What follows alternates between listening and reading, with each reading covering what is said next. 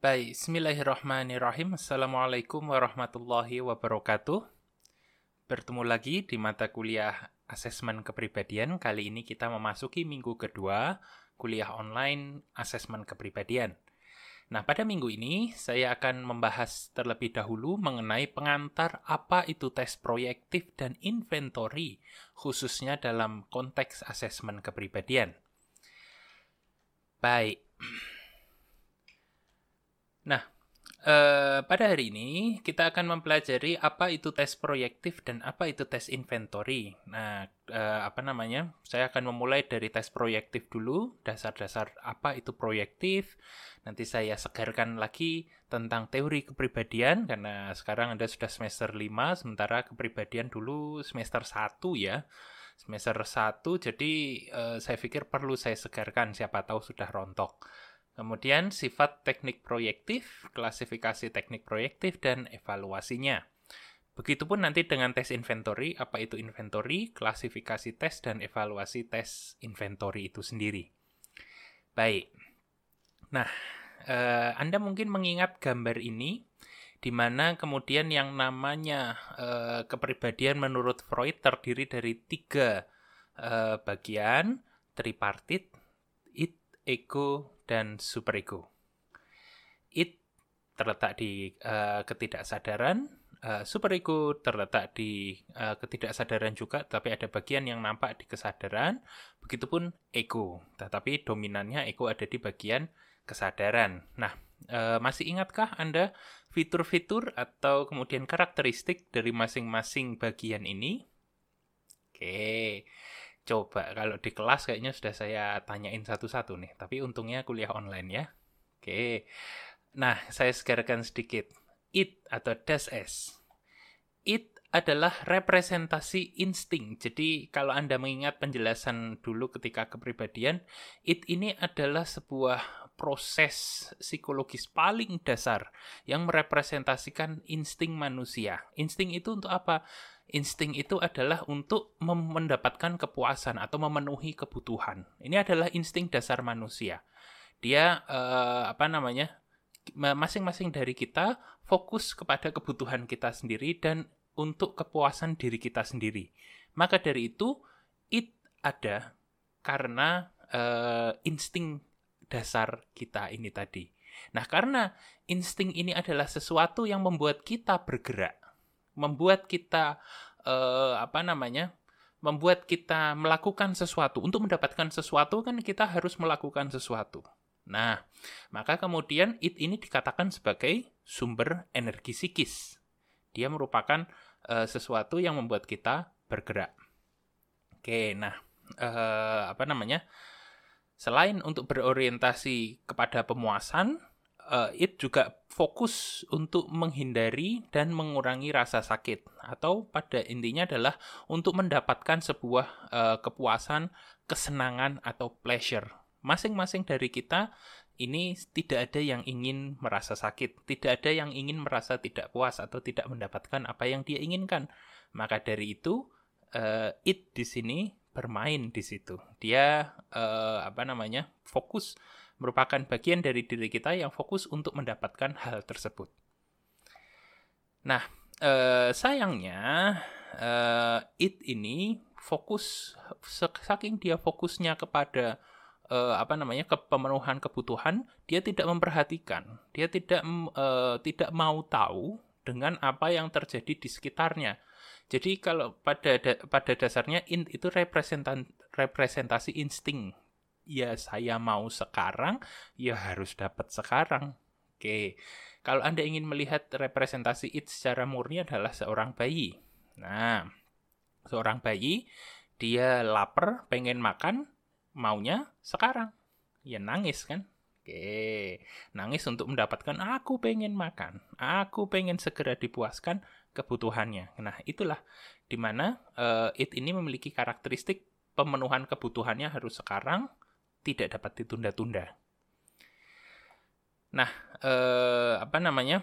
Ya itulah yang kemudian dikatakan bahwa eh, it ini adalah komponen yang paling mementingkan dirinya sendiri. Komponen paling dasar dan primitif karena kita bisa melihat uh, apa namanya it ini pada bayi. Bayi itu adalah representasi it yang murni, dia belum egonya belum uh, apa namanya ber, berkembang, apalagi super egonya. Nah, dia uh, apa namanya apabila apabila si it ini tidak bisa memenuhi kebutuhan-kebutuhannya, maka yang terjadi adalah primary process thought, di mana dia berusaha untuk memenuhi kebutuhannya melalui refleks atau halusinasi atau khayalan-khayalan. Nah, jadi kalau Anda uh, lagi lapar nih di kelas atau lagi uh, habis uh, apa namanya ingin mendapatkan sesuatu rasanya banget banget banget banget tapi nggak dapat dapat maka kan kadang itu terbayang kita menghayal kita kemudian uh, apa namanya membayangkan duh kayaknya enak ya. Nah ini sebenarnya adalah proses uh, primary process thought itu tadi di mana it sedang berusaha memenuhi kebutuhannya walaupun harus lewat khayalan. Oke ini adalah nah sementara yang kedua adalah ego atau das ich Ego adalah aspek kepribadian kita yang bersifat rasional. Tujuannya adalah mengarahkan dan mengontrol insting atau agar sesuai dengan realitas. Perlu digarisbawahi di sini, kata kuncinya adalah mengarahkan dan mengontrol, bukan kemudian eh, apa namanya menghalangi keinginan it. Jadi dia tidak mematikan it, melainkan mengarahkan it agar menjadi lebih sesuai dengan realitas. Nah, ini nanti akan nampak pada uh, anak yang sudah uh, seorang bayi yang sudah mulai bertumbuh pada uh, toddler, toddlerhood, sebelum childhood, toddlerhood, uh, batita, batita. Oke, nah uh, di mana dia sudah bisa tahu oh ketika saya uh, apa namanya ketika belum dapat kita saya masih bisa menahan keinginan saya sebentar. Nah, ini sudah sudah berkembang egonya. Karena mungkin lihat ibunya lagi sibuk, bapaknya lagi sibuk, dia kemudian mengontrol dirinya supaya tidak menangis. Oke, nah itu adalah uh, apa namanya egonya mulai berjalan di situ. Nah, uh, apa namanya? Kalau it tadi adalah primary process thought, ego adalah secondary process thought, di mana ego ini adalah proses berpikir yang matang sehingga dia bisa berinteraksi secara rasional dengan dunia eksternal. Oke, nah jadi tujuan dari ego ini adalah supaya uh, manusia, supaya seseorang itu bisa berinteraksi secara wajar, berinteraksi secara normal dengan uh, lingkungan di luar dirinya sendiri. Karena it tadi kan nggak mau tahu tuh apa yang terjadi di lingkungan luar. Mau taunya adalah kebutuhan saya terpenuhi atau tidak terpenuhi. Nah, kalau ego inilah yang menjadi penjembatan antara realitas dengan uh, apa keinginan kita atau insting kita. Oke, nah uh, apa namanya? Ego ini kalau boleh kalau kita ingat itu berada di tengah antara dua gajah. Ego berada di tengah antara it dan superego.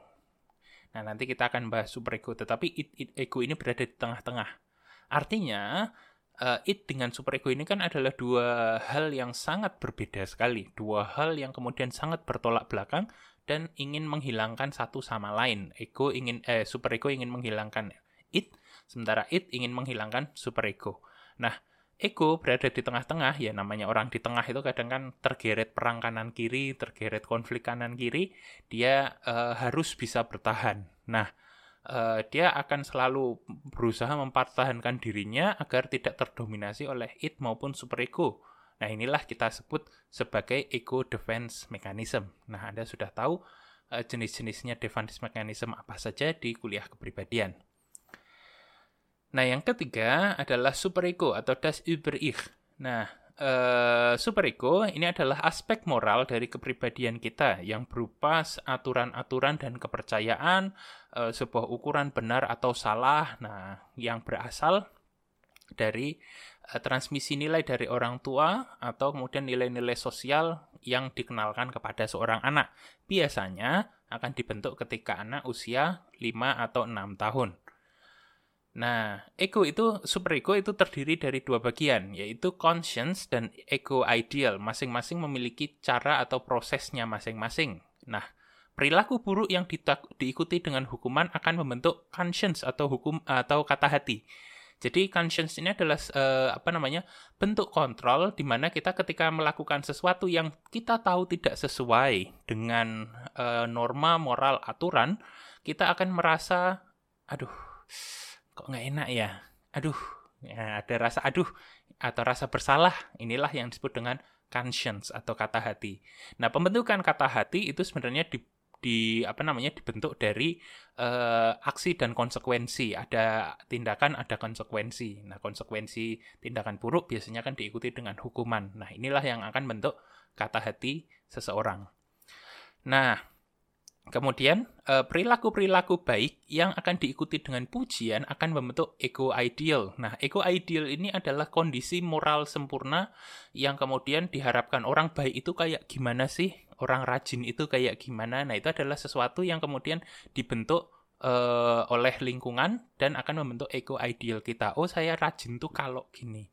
Oh, saya itu dikatakan baik kalau begini kalau saya patuh peraturan, kalau saya patuh pada orang tua, dan lain sebagainya. Nah, itu adalah ego ideal. Jadi dua hal ini berbentuk dan e, dibentuk oleh du, e, proses yang berbeda. Yang satu dibentuk oleh proses hukuman yang membentuk rasa bersalah, sementara ego ideal ini dibentuk oleh e, pujian, dibentuk oleh e, standar dari luar mengenai perilaku baik. Oke. Nah, uh, seiring dengan uh, berjalannya waktu, seorang anak akan uh, menginternalisasikan super egonya. Nah, dia akan membentuk rasa self control, yaitu rasa malu dan rasa bersalah yang muncul uh, kalau kita melanggar norma, nilai sosial atau tidak bisa mencapai ego ideal kita. Nah, ini yang kemudian akan banyak berkonflik dengan it. Karena it posisinya nggak peduli nggak peduli dengan image nggak peduli dengan uh, tuntutan sosial dia pengennya mendapatkan pemenuhan kebutuhan maka kemudian dia sering berkonflik dengan superego Oke, karena fungsinya superego, karena dia ingin mendapatkan ego ideal dan menghindari uh, rasa tidak nyaman dari conscience, maka kemudian dia akan selalu dan akan selalu berkonflik dengan uh, it. Karena dia menginginkan moral perfection di mana uh, dalam pandangan superego it ini uh, apa namanya bentuk paling rendah uh, apa namanya insting itu adalah suatu hal yang kotor suatu hal yang tidak tidak ideal, tidak indah. Nah, ini yang kemudian berusaha untuk dihilangkan oleh superego. Sementara kalau it memandang superego itu sebagai suatu yang ketat, suatu aturan yang membatasi it untuk tidak men, uh, yang mengakibatkan it tidak mendapatkan apa yang diinginkannya. Itulah kenapa kedua-duanya selalu uh, bertengkar atau berperang. Oke, jadi kalau dalam paradigma uh, Freudian di dalam diri kita itu selalu terdapat peperangan antara it dan superego kita. Nah, apa nanti relevansinya it, ego, dan superego ini di dalam asesmen kepribadian nanti akan kita lihat sebentar lagi. Nah, uh, di dalam tradisi asesmen kepribadian terdapat dua tradisi, yaitu tradisi dengan stimulus yang berupa stimulus terstruktur dan uh, tradisi dengan stimulus tidak terstruktur. Nah, inilah yang nanti akan menjadi uh, pembeda dasar antara uh, tes proyektif dan tes inventory. Tes proyektif adalah tes-tes yang nanti stimulusnya kurang lebih terstruktur, sementara tes inventory adalah tes-tes yang stimulusnya kurang lebih tidak terstruktur. Nah, uh, teknik proyektif atau dengan stimulus yang tidak berstruktur itu memiliki asumsi dasar uh, dari projective hypothesis atau hipotesis proyektif yang dikemukakan oleh Frank pada tahun 1939. Nah, proyektif hipotesis berbicara mengenai uh, asumsi bahwa interpretasi subjektif atas sebuah indiv, uh, sebuah stimulus ambigu merupakan refleksi dari ketidaksadaran. Nah, uh, sesuatu yang ambigu ini kan suatu hal yang kemudian multi interpretasi, tidak jelas maunya apa. Nah, kita sebagai seorang individu merespon dan mengisi ketidakjelasan itu dengan proyeksi kepribadian kita. Itu kenapa orang merespon berbeda-beda uh, sebuah uh, stimulus yang sama. Stimulus ambigu yang sama direspon berbeda-beda oleh kebanyak oleh masing masing-masing individu karena masing-masing individu mengisi ketidakjelasan tadi dengan uh, refleksi dirinya, refleksi ketidaksadarannya, motifnya, konfliknya, uh, yang kemudian uh, dia miliki. Jadi di, uh, dinamika kepribadian yang ada di dalam dirinya. Oke, nah uh, apa namanya? Kalau mengutip kata-kata langsung dari Frank, where there is no correct answer, the individual's response may be driven by internal conflicts, motives, needs, and perceptual press. Nah, ini adalah uh, projective hypothesis yang dikemukakan oleh Frank. Nah, uh, apa namanya? Te uh, hipotesis ini, teori hipote uh, teori proyektif ini sangat dipengaruhi oleh teori psikoanalisis karena uh, bagian dari sadar kita ini ketika dihadapkan dengan sesuatu yang ambigu, kita akan mempersepsikan sesuatu yang ambigu ini sebagai sesuatu yang kosong, sesuatu yang belum lengkap atau titik-titik. Nah, kita akan mengisi titik-titik atau sesuatu yang kosong itu dengan uh, apa namanya ketidaksadaran kita. Ketidaksadaran kita akan uh, mengisi kekosongan yang ada di persepsi kesadaran kita. Nah, inilah sebenarnya inti dari uh, hipotesis proyektif. Nah, uh, apa namanya? Uh, stimulus yang tidak terstruktur ini merupakan ciri khas dari teknik proyektif. Nah, di mana kemudian uh, stimulus yang tidak berstruktur ini biasanya uh, akan memungkinkan variasi jawaban yang tidak terbatas. Oh, akan banyak sekali variasi jawabannya. Sehingga variasi jawaban yang banyak serta stimulus yang tidak terstruktur atau ambigu ini memberi kesempatan pada testi secara bebas untuk berfantasi. Perlu digarisbawahi di sini ambigu itu tidak sama dengan tidak jelas. Kalau tidak jelas itu secara stimulus mungkin kabur, uh, tidak tidak tidak jelas mau, maunya apa. Sementara kalau ambigu itu adalah stimulus yang kemudian uh, interpretasi maknanya itu banyak. Stimulus yang kemudian bisa dimaknai secara berbeda oleh orang banyak. Jelas, tetapi multitafsir, multi makna. Nah, makna mengisi makna-makna mengisi titik-titik kekosongannya itu dengan kepribadian kita. Nah, oleh karena itu, instruksi dalam oh, apa namanya dalam uh, tes proyektif itu cukup pendek saja, nggak panjang-panjang. Nah, besok kita akan mempelajari dua teknik proyektif yaitu Rorschach dan grafis. Anda akan lihat uh, instruksinya itu betapa pendeknya instruksi Rorschach dan grafis. Nah, secara umum itu tidak ada pengarahan atau pembatasan. Oke. Nah, oke kita coba lihat di sini. Dalam uh, ilustrasi ini coba di mana letak tes proyektif, di mana letaknya kepribadian dan di mana letaknya Anda dalam gambar tersebut. Oke, coba. Nah, ini ada ada sebuah kamera sorot, ini ada garis biru ini adalah layarnya, sementara uh, ini ada gambar uh, fotonya siapa itu? Foto monyet ya. Oke, nah kira-kira di mana letak tes proyektif, di mana letak kepribadian, dan di mana letak Anda dalam gambar ini. Oke, coba kita renungkan sejenak. Kalau Anda menyimak penjelasan saya tadi, seharusnya Anda sudah mendapatkan gambaran. Oke, di mana letak proyektif, di mana letak kepribadian, di mana letak Anda. Nah, e, kalau saya gambarkan di sini, kamera ini atau video yang atau apa namanya uh, proyektor ini adalah letaknya ini adalah Anda.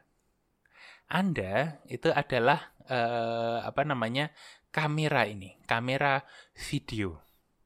Nah, kamera video ini dalam setiap saat dia bekerja, dia akan kemudian mengeluarkan gambar. Nah, gambar monyet ini adalah kepribadian Anda. Nah, karena apa? Informasi mengenai gambar monyet ini kan ada di dalam kamera ini. Informasinya kan ada di sini. Hanya saja, ketika kemudian ke, uh, sorotan kamera ini tidak ditangkap oleh sebuah layar, ya nggak akan mengeluarkan informasi. Kita tidak akan mendapatkan informasi ini gambar apa. Nah, maka kemudian uh, apa namanya? Dalam perspektif proyektif, layar ini adalah tes proyektifnya. Jadi fungsi dari tes proyektif itu sebenarnya layar. sebenarnya adalah layar yang menangkap kepribadian Anda. Karena secara umum Anda setiap hari uh, ketika berinteraksi dengan orang itu memancarkan kepribadian Anda. Anda mengeluarkan kepribadian Anda, memproyeksikan kepribadian Anda keluar.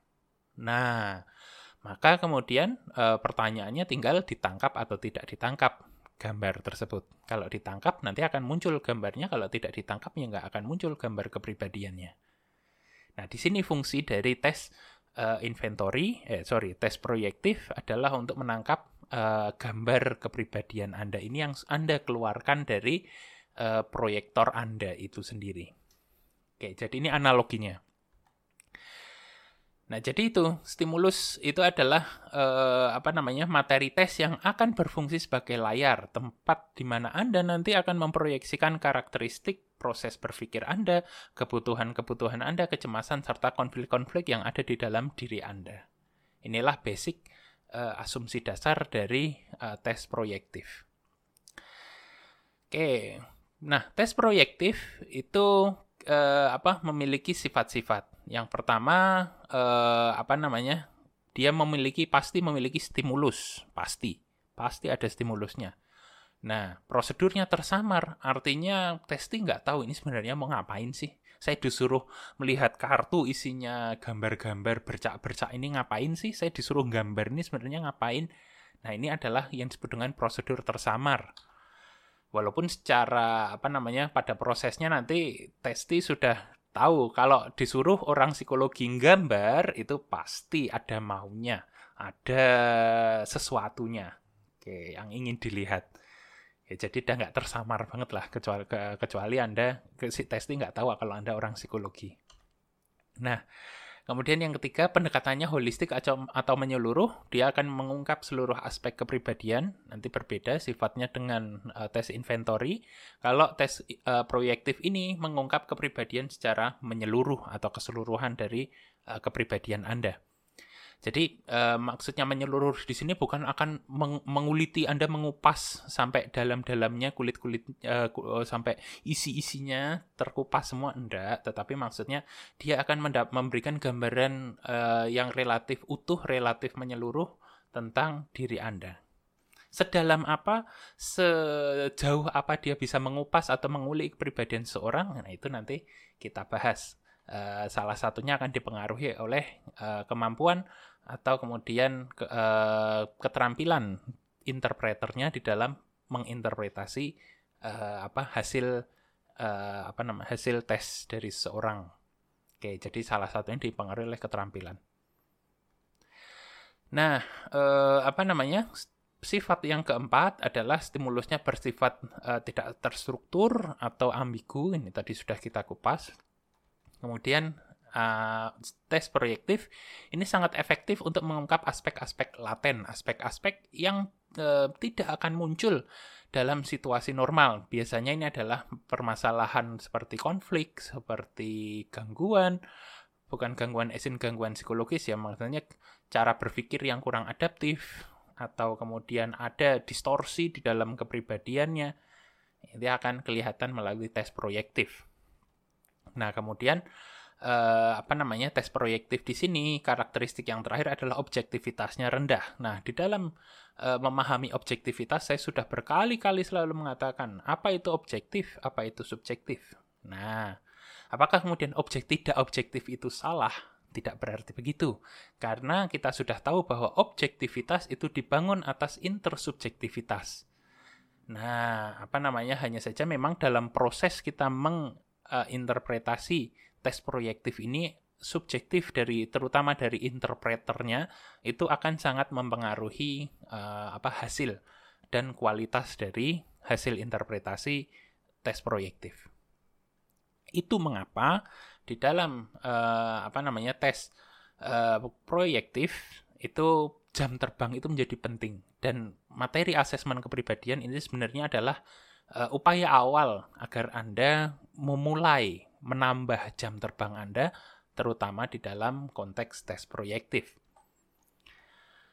Nah, apa sebenarnya yang akan diungkap dari tes proyektif ini? Uh, banyak hal. Yang pertama frame of reference atau bagaimana kita membentuk cara berpikir kita, private world kita, sesuatu yang mungkin hanya kita ketahui, sesuatu yang mungkin kita tidak ingin ungkapkan di dunia luar, konsep diri, value-value atau nilai-nilai dalam yang kita miliki, attitude atau sikap kita itu semua bisa di, diungkap. Ini nah, inilah makanya saya katakan oh, tes proyektif itu holistik atau menyeluruh karena yang diungkap itu keseluruhan. Nah, teknik proyektif karena dia efektif untuk mengungkap aspek laten atau aspek yang tidak dasar disadari dalam kepribadian eh, apa namanya tes-tes ini biasanya digunakan terutama dalam konteks eh, klinis klinis karena ya untuk mengungkap uh, basic dari permasalahan klinisnya uh, atau industri untuk kemudian mengetahui apa sih yang kemudian uh, rekrut apa uh, peserta atau kandidat tidak ceritakan. Nah, itu diungkap dari uh, tes proyektif dalam konteks industri. Maka kemudian di dalam industri, di dalam seleksi kerja, nanti ada beberapa yang menggunakan tes-tes kepribadian terutama dengan pendekatan proyektif.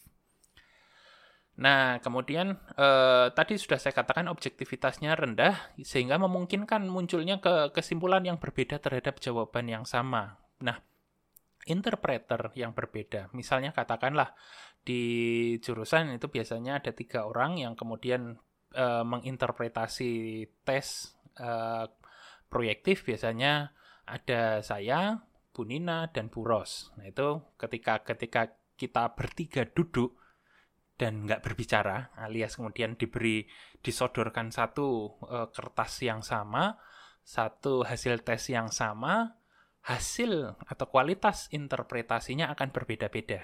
Karena akan bergantung dengan uh, apa namanya latar belakang uh, apa praktis latar latar belakang uh, apa namanya keahliannya. Misalnya Buros uh, lebih fokus kepada uh, apa namanya aspek-aspek kerjanya. Sementara Bu Nina lebih pada aspek-aspek klinisnya. Saya lebih melihat dari aspek-aspek perkembangan patologinya. Nah nah ini yang kemudian uh, apa namanya karakteristik setiap uh, apa namanya interpreter itu akan berbeda-beda. Dan ini yang akan menghasilkan kualitas yang uh, berbeda-beda. Jadi kalau dikatakan mana yang paling baik ya mana yang sesuai dengan kebutuhan uh, klien saat itu. Misal kebutuhannya kemudian untuk melihat aspek kerjanya ya tentu yang akan dicari uh, interpreter dengan uh, latar belakang bio.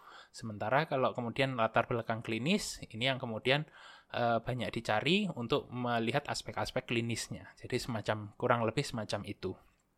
Jadi uh, tetapi uh, bukan berarti kok kemudian ketika kita duduk dan berbicara kita bisa menemukan oh benang merahnya di sini loh. Misalnya nih saya saya mencontohkan uh, apa namanya kalau kemudian orang orang uh, Adburos misalnya mengatakan uh, oh orang ini komitmennya nampaknya rendah. Nah, uh, Bu Nina, saya itu akan menambahkan kemudian uh, oh uh, ini komitmennya kurang karena dia memiliki uh, apa namanya konsep diri yang belum matang. Jadi kan karena kita melihat dari aspek klinisnya, kita melihat kenapa sih kemudian uh, komitmennya kurang. Nah, kita lebih menitik beratkan pada konsep diri, konsep, uh, ketidakmatangan konsep dirinya. Nah, kalau dari kita itu berhenti di konsep diri, sementara dari Buros itu melihat bahwa uh, ini adalah pertanda komitmennya kurang. Jadi seperti itu. Jadi sebenarnya uh, itu adalah ada satu benang merah yang uh, apa menyatukan cuma ya masing-masing akan kemudian memiliki kesimpulan yang eh, masing-masing uh, sesuai dengan bidang ekspertisnya sendiri. Ya sebenarnya kurang lebih nanti sama kayak seorang dokter uh, beberapa orang dokter dengan spesialisnya masing-masing ketika melihat menginterpretasi sebuah tes, sebuah hasil tes diagnostik itu bisa berbeda-beda. Dokter saraf akan kemudian melihat uh, gangguan neurologis, kalau kemudian dokter imunologis akan melihat gangguan autoimun dan lain sebagainya. Jadi uh, pick your special uh, pick your specialty, uh, you pick your interpretation. Ya, you you pick your own style. Masing-masing expertise, masing-masing bidang keahlian itu memiliki uh, stylenya masing-masing di dalam menginterpretasi atau mengapproach sebuah uh, tes proyektif. Nah, di sini yang perlu saya apa namanya katakan uh, karena kemudian ada orang yang mengatakan wah objektivitasnya rendah jelek dong bukan ber, bukan begitu ini berkaitan dengan uh, sifat dari tes proyektif itu sendiri Oke, harapannya Anda bisa paham. Kalaupun Anda punya pertanyaan, nanti boleh ditanyakan di uh, Google Classroom. Nah, uh, apa namanya? Teknik proyektif sendiri terdiri dari dua, yaitu verbal dan non-verbal. Nah, tes verbal itu adalah sebuah tes yang kemudian instruksi atau stimulusnya berupa bahasa atau kata-kata. Nah, jawaban diharapkan menggunakan bahasa juga atau kata-kata oral atau tulisan. Nah, karena dia menggunakan bahasa, maka kemudian eh, kelemahannya adalah penguasaan bahasa tes itu sangat berpengaruh. Tes ver proyektif verbal itu tidak bisa diberikan kepada orang yang tidak bisa membaca atau tidak bisa memahami kata-kata atau kalimat. Oke, nah contoh dari tes proyektif verbal adalah SSCT, RISP, dan WUSC. Nah, eh, apa namanya? Nanti untuk tes proyektif verbal ini saya hanya akan mengenalkan saja nanti setelah eh, grafis saya akan kenalkan tes A persepsi dan tes eh, verbal SSCT dalam hal ini. Oke karena nggak cukup waktunya. Simply karena nggak cukup waktunya untuk membahas semua tes proyektif. Kecuali dipisah, nanti ada tes proyektif satu mata kuliah, tes inventory satu mata kuliah. Nah, kalau bisa seperti itu, eh, apa namanya, saya kenalkan itu semua alat tesnya. Oke, kalau eh, dua mata kuliah, tapi ternyata tidak. Jadi satu mata, maka kita harus separuh-separuh. Nah, berikutnya tes proyektif nonverbal adalah uh, di, di mana kemudian uh, yang diutamakan adalah reaksi subjek terhadap stimulus. Biasanya stimulusnya berupa kata-kata singkat, kata-kata yang umum mudah dipahami. Nah, biasanya kemudian hasilnya itu bukan berupa kata-kata, melainkan adalah suatu uh, bentuk nonverbal, bisa kata, bisa gambar, bisa coretan dan lain sebagainya. Atau bisa berupa uh, interpretasi atas uh, bercak tinta. Nah, contohnya proyektif nonverbal adalah tes Rorschach. Sondi, Sondi itu adalah tes yang sejenis dengan tes Rorschach, sama dengan uh, tes bercak tinta. Kemudian ada tes grafis, TAT, CAT, dan lain sebagainya. Oke, nah di sini kita akan mempelajari nanti dua tes, tes Rorschach dan tes grafis. Tapi di sini saya ingin menggarisbawahi bahwa uh, tes proyektif itu tidak terbatas hanya uh, Rorschach dan grafis saja. Masih ada banyak sekali jenis dan macamnya. Nah, kategori dari tes proyektif sendiri itu terdiri dari uh, lima kategori. Masing-masing dari sifat-sifat, masing-masing dari tes proyektif itu memiliki kelima sifat ini. Cuma masing-masing nanti memiliki uh, kekhasannya. Misalnya nanti Rosyah itu nanti ada uh, kekhasannya di kategori yang mana. Oke, jadi ke semua tes proyektif itu punya uh, kelimanya, cuma nanti ada satu atau dua yang akan menonjol ketimbang tiga atau empat yang lainnya. Oke, nah yang pertama adalah konstitutif. Konstitutif adalah bagaimana testi membentuk struktur dari bahan yang tidak terstruktur. Konstruktif, bagaimana testi membentuk struktur baru dari bahan yang memiliki struktur tertentu. Interpretif, di mana testi memberi makna dari suatu stimulus atau situasi. Katartik atau katarsis adalah menekankan proses dan berfungsi sebagai sarana katarsis. Eh, refraktif adalah bagaimana memungkinkan testi untuk mengeluarkan berekspresi, mengeluarkan ekspresi perilaku, dan mendapatkan penggambaran bebas dari seorang individu. Nah, kita lihat tes konstitutif adalah di mana kepada subjek ditunjukkan macam-macam materi yang ambigu dan tidak terstruktur. Uh, pada tes ini, subjek diminta untuk menyusun materi yang tidak terstruktur tersebut menjadi sesuatu yang berstruktur. Jadi mengubah dari yang tidak berstruktur, tidak ada strukturnya menjadi berstruktur. Nah, dengan proses mengubah dari terstruktur menjadi tidak ter, uh, mengubah proses eh sorry proses mengubah dari tidak terstruktur menjadi terstruktur inilah uh, apa kepribadian testi akan terproyeksikan. Bagaimana seorang mengapproach sebuah permasalahan? Bagaimana seorang mengapproach uh, sebuah solusi? Itu adalah representasi dari kepribadiannya. Nah contohnya tes-tes jenis konstitutifnya adalah tes Rorschach jelas.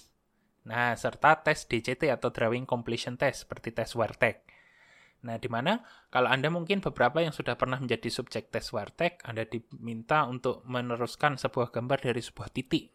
Nah, kan dikasih stimulus cuma titik doang. Nah, ini yang kemudian Anda harus e, membuatnya menjadi gambar yang bermakna. Nah, mem proses memberi makna dan proses menstrukturkan yang tidak terstruktur inilah di mana e, kepribadian Anda masuk. Nah, kedua itu adalah konstruktif.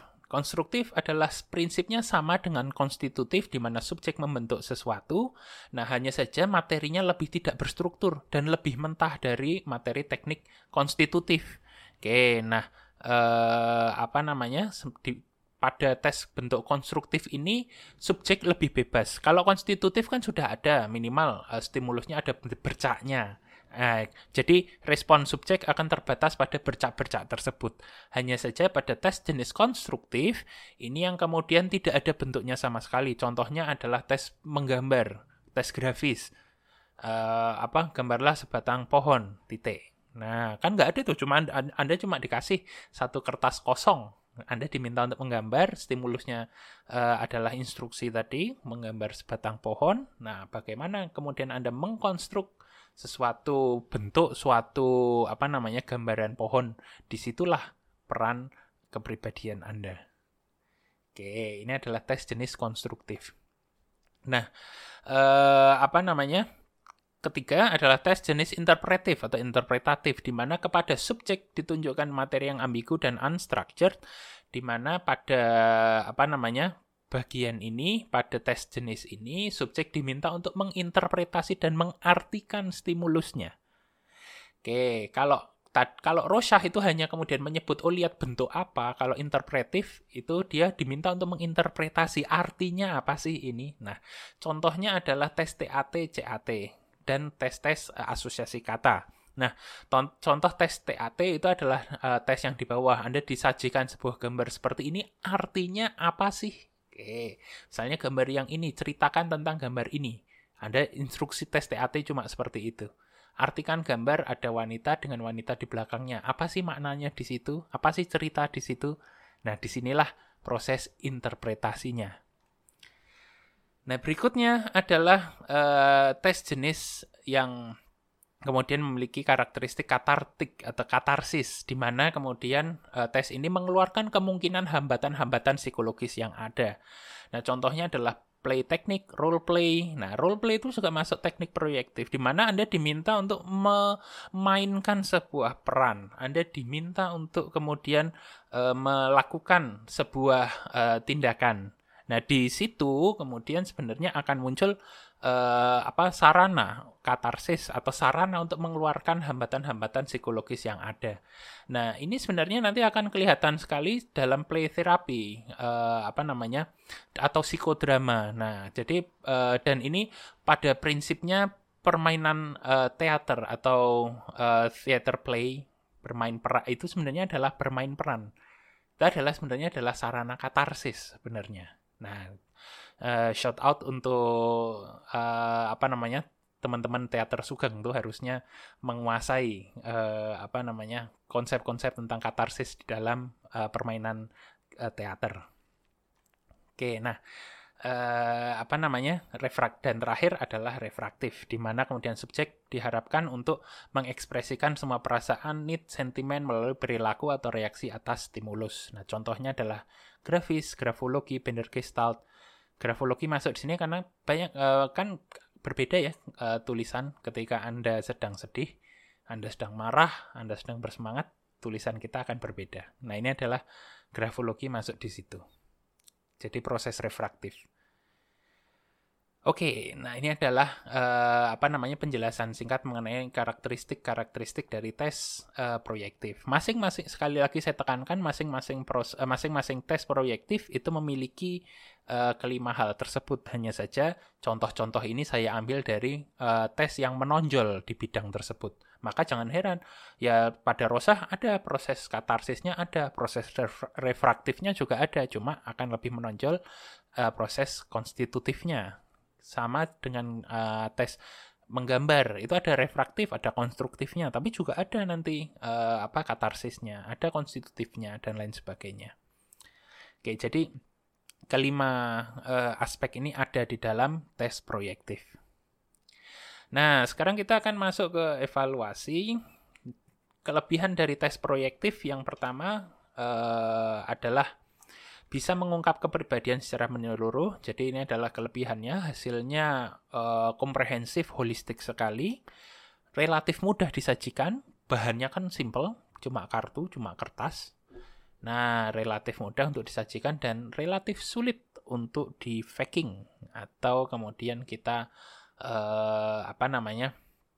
relatif sulit untuk kemudian me, mengapusi atau berbohong, mengada-ada di dalam uh, apa namanya menjawab tes. Kalau tes proyektif kan biasa kan ada nih yang pernah Pak ini ada panduannya. Ada panduan untuk kemudian menggambar, uh, eh, menggambar pohon yang bagus tuh gimana harus ada apanya harus ada ini itu. Oke saya bilang ya silahkan saja anda ikuti panduan itu. Tetapi misalnya saya bilang oke okay, gambar pohon pohon yang bagus uh, batangnya lurus uh, apa namanya daunnya lebat dan kemudian buah-buahannya juga banyak ada buah-buahannya Oke, tetapi bagaimana Anda menggambar batang yang lurus, Anda menggambar daun-daunan yang lebat dan Anda menggambar buah-buahan itu kan eh, apa namanya? kembali ke diri Anda masing-masing lagi. Oke. Nah, jadi di situ saudara-saudara eh, tetap akan ada bagian dari kepribadian seseorang itu akan masuk di situ. Oke, dan ini sering sekali saya temui ketika saya menginterpretasi uh, apa namanya tes terutama dalam konteks seleksi kerja. Biasanya tes gambarnya akan mirip-mirip. Kar eh, tetapi karakteristik khasnya masing-masing individu tetap muncul di situ. Jadi inilah kelebihan dari tes proyektif. Walaupun sudah bocor di mana-mana panduannya, silahkan saja. Pun kalau Anda mau menghafalkan satu buku eh, panduan grafis anda hafalkan, Anda telan semua itu dalam waktu semalam, ya silahkan saja. Tetap bagaimana kita mengapproach sebuah gambar itu adalah proses yang sangat-sangat konstruktif sehingga peran dari kepribadian kita akan masuk di situ dan akan tetap muncul. Oke, ini kelebihannya di situ. Kekurangannya subjektif, dia tidak ada kriteria pengukuran yang pasti. Nah, ini yang uh, saya bilang jam terbang sini menjadi penting. Kualitas dan uh, apa namanya validitas dari uh, hasil interpretasi itu akan kemudian sangat bergantung dengan ekspertis atau keahlian serta jam terbang dari uh, interpreternya. Maka kemudian Anda harus dari sekarang melatih atau menaikkan jam terbang Anda. Nah, jadi itu kualitas, validitas, reliabilitas tergantung dari interpreter. Validitas dari interpreter pemula dengan validitas dari interpreter yang sudah uh, ahli itu tentu akan berbeda. Nah, dan sangat dependen pada jam terbang itu tadi. Nah, jadi memang uh, upaya dari asesmen kepribadian ini adalah mengadres kekurangan-kekurangan ini. Karena pada dasarnya tes proyektif itu adalah tes yang powerful, tes yang punya punya apa namanya banyak sekali kelebihan. Uh, cuma kekurangannya adalah dari sisi uh, apa interpreter dan testernya. Itu yang berusaha dikurangi dari tes uh, asesmen kepribadian. Eh dari proses kita belajar di asesmen kepribadian ini. Oke, itu adalah tes proyektif. Sekarang kita masuk ke tes inventory. Nah, inventory itu adalah tes yang berbeda dari tes proyektif, di mana pada tes inventory itu adalah tes-tes yang biasanya bersifat self-report alias uh, subjek sendiri yang uh, merespon dan menjawab sebuah pertanyaan biasanya biasanya terdiri dari stimulus yang terstruktur berupa pertanyaan atau pernyataan. Nah, ini bersifat uh, objektif tes ini alias ada proses scoring dan norma yang sudah ditentukan. Nah, untuk uh, apa namanya?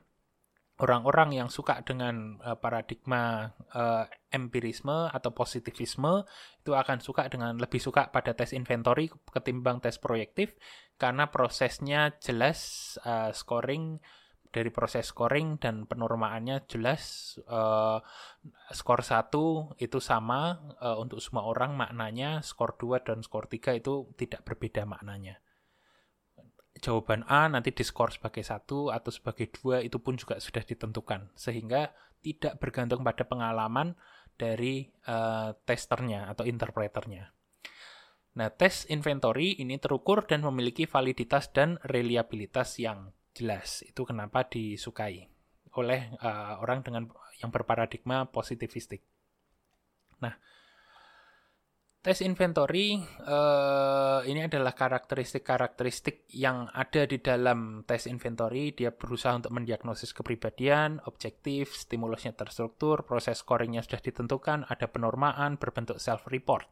Nah, tiga karakteristik yang terakhir ada social desirability. Jadi uh, ada yang namanya tes kepribadian, ada kalanya kita menanyakan sesuatu yang bersifat sensitif atau bersifat kadang tidak inappropriate atau tidak sesuai dengan norma sosial.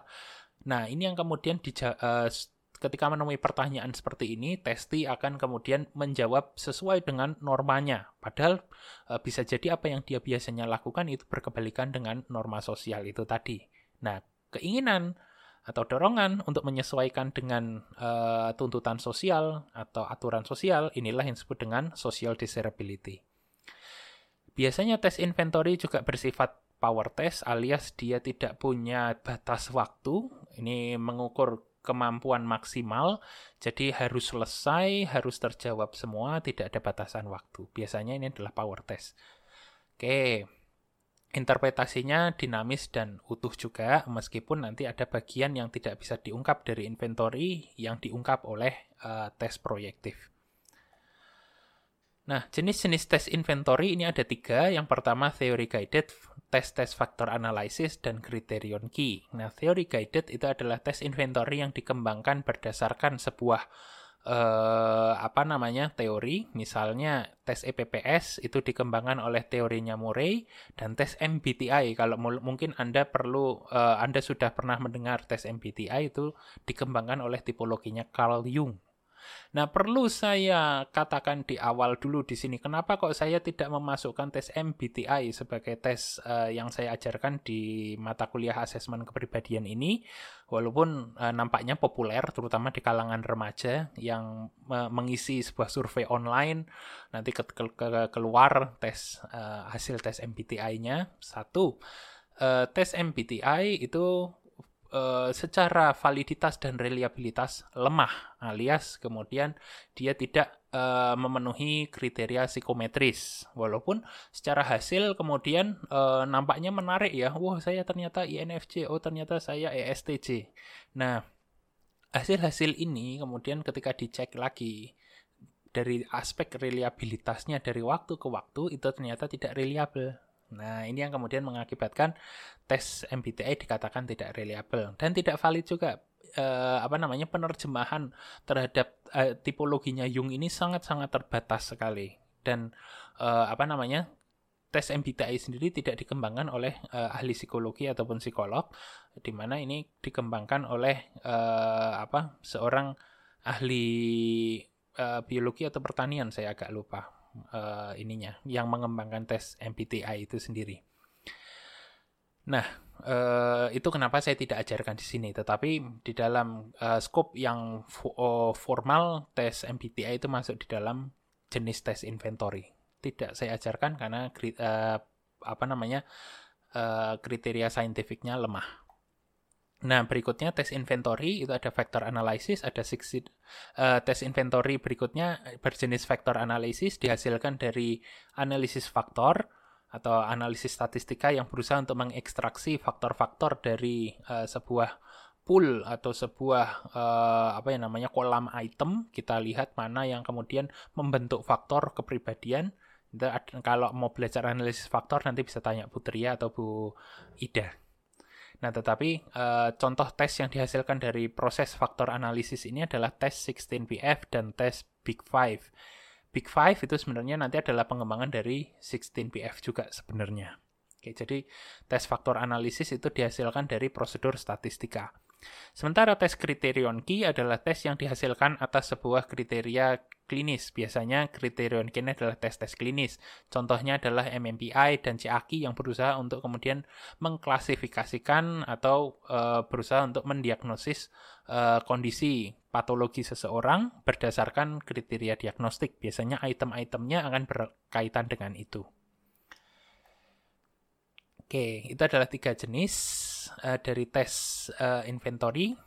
Nah, uh, apa namanya dari tes inventory sendiri sebenarnya uh, memiliki kekuatan yang di mana dia kekuatannya adalah kebalikannya dari proyektif. Kekuatannya inventory dia objektif secara pengukuran, ada proses uh, interpretasi scoring yang jelas dan bisa diikuti oleh semua orang. Kemudian dua mengungkap kepribadian secara empirik. Jadi ada proses empirik, proses yang jelas, bisa diamati prosesnya berdasarkan evidence perilaku juga. Nah, kemudian uh, biasanya untuk uh, masing-masing skala uh, inventory, masing-masing tes inventory itu punya skala validasi untuk melihat social desirability. Karena uh, social desirability ini adalah sesuatu yang sudah diketahui oleh para ahli tes, para pembuat tes, maka kemudian mereka sudah pasti membuat uh, prosedur atau proses di dalam tesnya untuk mendeteksi social desirability. Nah, kelemahannya tes ini terlalu banyak itemnya dan uh, apa namanya? Uh, karena terlalu banyak item uh, dan apa namanya bahasanya itu agak sulit. Oke, nah sehingga tes inventory ini tidak tepat diberikan kepada orang yang tidak bisa memahami bahasa atau kemampuan bahasanya terbatas, serta tidak bisa diberikan untuk orang dengan waktu yang terbatas karena biasanya itemnya banyak sekali. Oke, kalau tes itu aja EPPS aja ada berapa? Kalau nggak salah ada 225 ya. Tes Papikostik itu ada 90, CAQ 200 100 tambah 100 sekitar 200-an item juga. Tes MMPI, ada yang pernah tes MMPI itu saya pernah tes MMPI itu 3 jam sendiri. Itemnya sekitar 500 atau 600 saya lupa. Oke, jadi itemnya ada banyak sekali.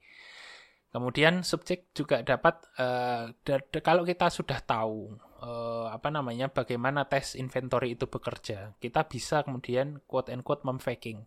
Kita tahu uh, oh apa namanya saya ingin menunjukkan kalau diri saya uh, apa namanya memiliki need for achievement yang tinggi. Saya tahu nih item-item ini mengukur need achievement. Itu saya jawab iya iya iya iya iya. Nah, ini adalah lebih alias uh, tes inventory itu lebih mudah di faking Nah, sangat mungkin uh, juga uh, subjek berifat bersikap tidak kooperatif atau defensif. Dia menjawab item-item secara normatif saja. Bisa sekali. Dan yang terakhir, tes ini tidak culture free atau tidak adil secara budaya. Ada bias-bias budaya di dalamnya. Oke, contohnya nanti dalam EPPS ada uh, faktor heteroseksuality. Nah, tetapi item-itemnya menanyakan apakah Anda uh, apa namanya pernah uh, berpegangan tangan di depan umum, mencium pasangan Anda di depan umum. Wah, kalau ditanya seperti itu orang Indonesia jawabannya akan ih freak banget sih. Enggak. Nah, ini yang saya sebut dengan tidak culture free karena di dalam kultur kolektivistik kita hal-hal semacam itu tidak diperkenankan. Oke. Itulah uh, sedikit pengenalan mengenai apa itu tes proyektif dan apa itu tes inventory. Harapan saya ini memberikan gambaran kepada Anda mengenai apa itu tes inventory, apa itu tes proyektif. Karena minggu depan kita akan sudah mulai masuk ke tes uh, proyektif dan dimulai dengan tes Rosha. Baik, uh, kalau ada ada pertanyaan bisa Anda ajukan melalui Google Classroom. Saya akan memantau Google Classroom dan menjawab pertanyaan dari Anda. Kita akan jumpa lagi minggu depan. Uh, saya tutup pertemuan kita untuk hari ini. Bilahi taufik wal hidayah. Assalamualaikum warahmatullahi wabarakatuh.